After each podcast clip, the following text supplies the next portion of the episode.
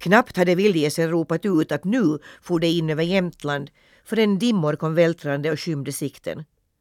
Pojken såg inte hur färden gick. Mot kvällen slog gässen sig ner på en grön kulle där allt var drypande vått. Det hängde droppar på vartenda grässtrå och så fort Nils rörde sig fick han sig en dusch. Han skymtade ett hus så högt att det försvann i dimman och han förstod att det måste vara ett utkikstorn. Där uppe kunde han nog ligga torrt och han bad Mårten flyga dit med honom och sen hämta honom på morgonen. Men när han vaknade var gässen borta. Ingen svarade nerifrån marken. Pojken blev alldeles förtvivlad. Nu var han återskild från gåskarlen och Mårten kunde ju råka ut för alla möjliga faror under resan. Plötsligt stod Bataki bredvid honom.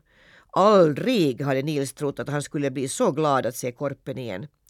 Akka hälsar, sa Korpen, att hon märkte att jägare strövade omkring på berget och därför vågade hon inte stanna. Men jag ska ta dig till... Men jag ska ta dig med till dina vänner. Högt ovan dimmorna flög Bataki i klaraste solsken. Vildgässen syntes inte till, men det bekymrade inte Korpen. Jag hittar dem nog, sa han. När dimmorna lättade slog han sig ner på en stubbåker vid en gammal gård och pojken kunde leta rätt på några korn till frukost.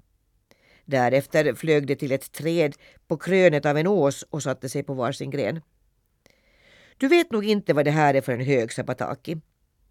Men det är en gravhög och den blev uppkastad över den första mannen som bosatte sig i Härjedalen. Du kan väl berätta för mig om honom, sa Nils och mumsade på ett korn. Det är inte mycket jag vet, svarade Bataki. Men han var norrman och hette Härjulf. Han blev osams med norska kungen och måste fly ur landet. Han kom till svenska kungen i Uppsala och där fick han tjänst. Men så skulle han gifta sig med kungens syster och när kungen motsatte sig det flyttade Herjulf med henne. Nu hade han ställt till det för sig så att han inte kunde bo vare sig i Norge eller Sverige och till utlandet ville han inte flytta. Det skulle väl ges ännu en utväg tänkte han och drog med sin hustru och allt sitt folk in i de stora ödeskogarna norr om Dalarna. Där bröt han mark och byggde hus och blev den första som bosatte sig i den här landsändan. Korpen tystnade och såg med ens en smula fundersam ut. Eftersom vi är så här ensamma, sa han till sist, ska jag fråga dig en sak. Har du verkligen reda på vad tomten har satt som villkor för att du ska få bli människa igen? Jag har inte hört annat än att jag ska föra den vita gåskarlen välbehållen hem igen, svarar pojken lite förvånat. Jag kunde just tro det, sa Bataki. Sist vi råkades talade du om hur fult det var att svika en vän och därför borde du allt ha reda på hela villkoret. Akka vill kanske hellre hjälpa dig än Mårten Gåskarl men jag tror du blir tacksam om du får veta vad tomten sa. Jo, att du blir människa om du för hem gåskarlen så mor din kan lägga honom på slaktbänken. Pojken flög upp och hade så när ramlat i backen. Det där är väl bara ett elakt påhitt av dig? Fråga Akka, svarade Korpen. Där ser jag förresten flocken komma flygande. Men glöm nu inte att det finns en utväg ut ur alla svårigheter, bara man hittar den. Det ska bli roligt att se hur det lyckas för dig. Akka kunde inte förneka att det Bataki hade berättat var sant. Du får inte säga något till Mårten, bad Nils. Han är så tapper och edelmodig att han kunde ställa till en olycka om han fick höra tomtens villkor. Sedan satt pojken trumpen och tyst på gåsaryggen. Han hängde med huvudet och brydde sig inte om att se sig omkring när det flög över Dalarna. Ja, jag får väl resa med vildgässen i hela mitt liv så det här landet lär jag se mer än nog av, tänkte han. Och han blev inte mer dyster när vildgässen skrek att nu var det i Värmland och att den stora älven hette Klarälven. Jag har redan sett så många älvar och skogar att det räcker, muttrade han. Innan vildgässen hade nått den långa Frykensjön började det mörkna.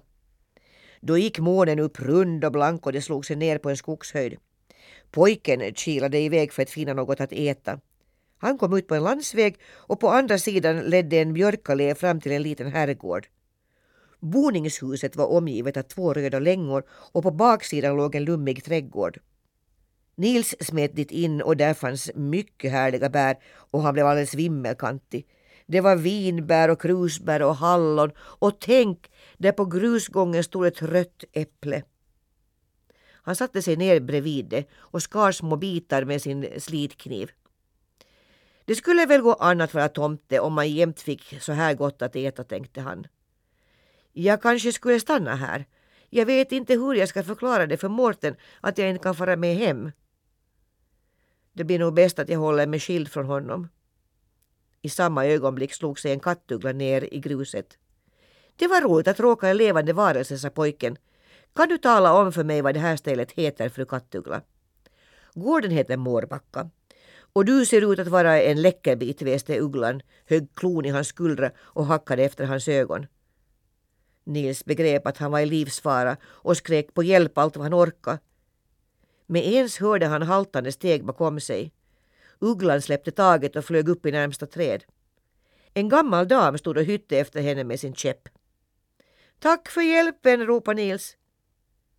Damen såg inte så lite förvånad ut, så han fortsatte. Jag är människa, jag som ni. Men jag har blivit förvandlad till tomte.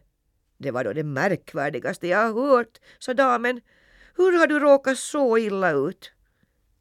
Pojken berättade allt han hade varit med om och såg att hon blev allt mer häpen, förundrad och glad.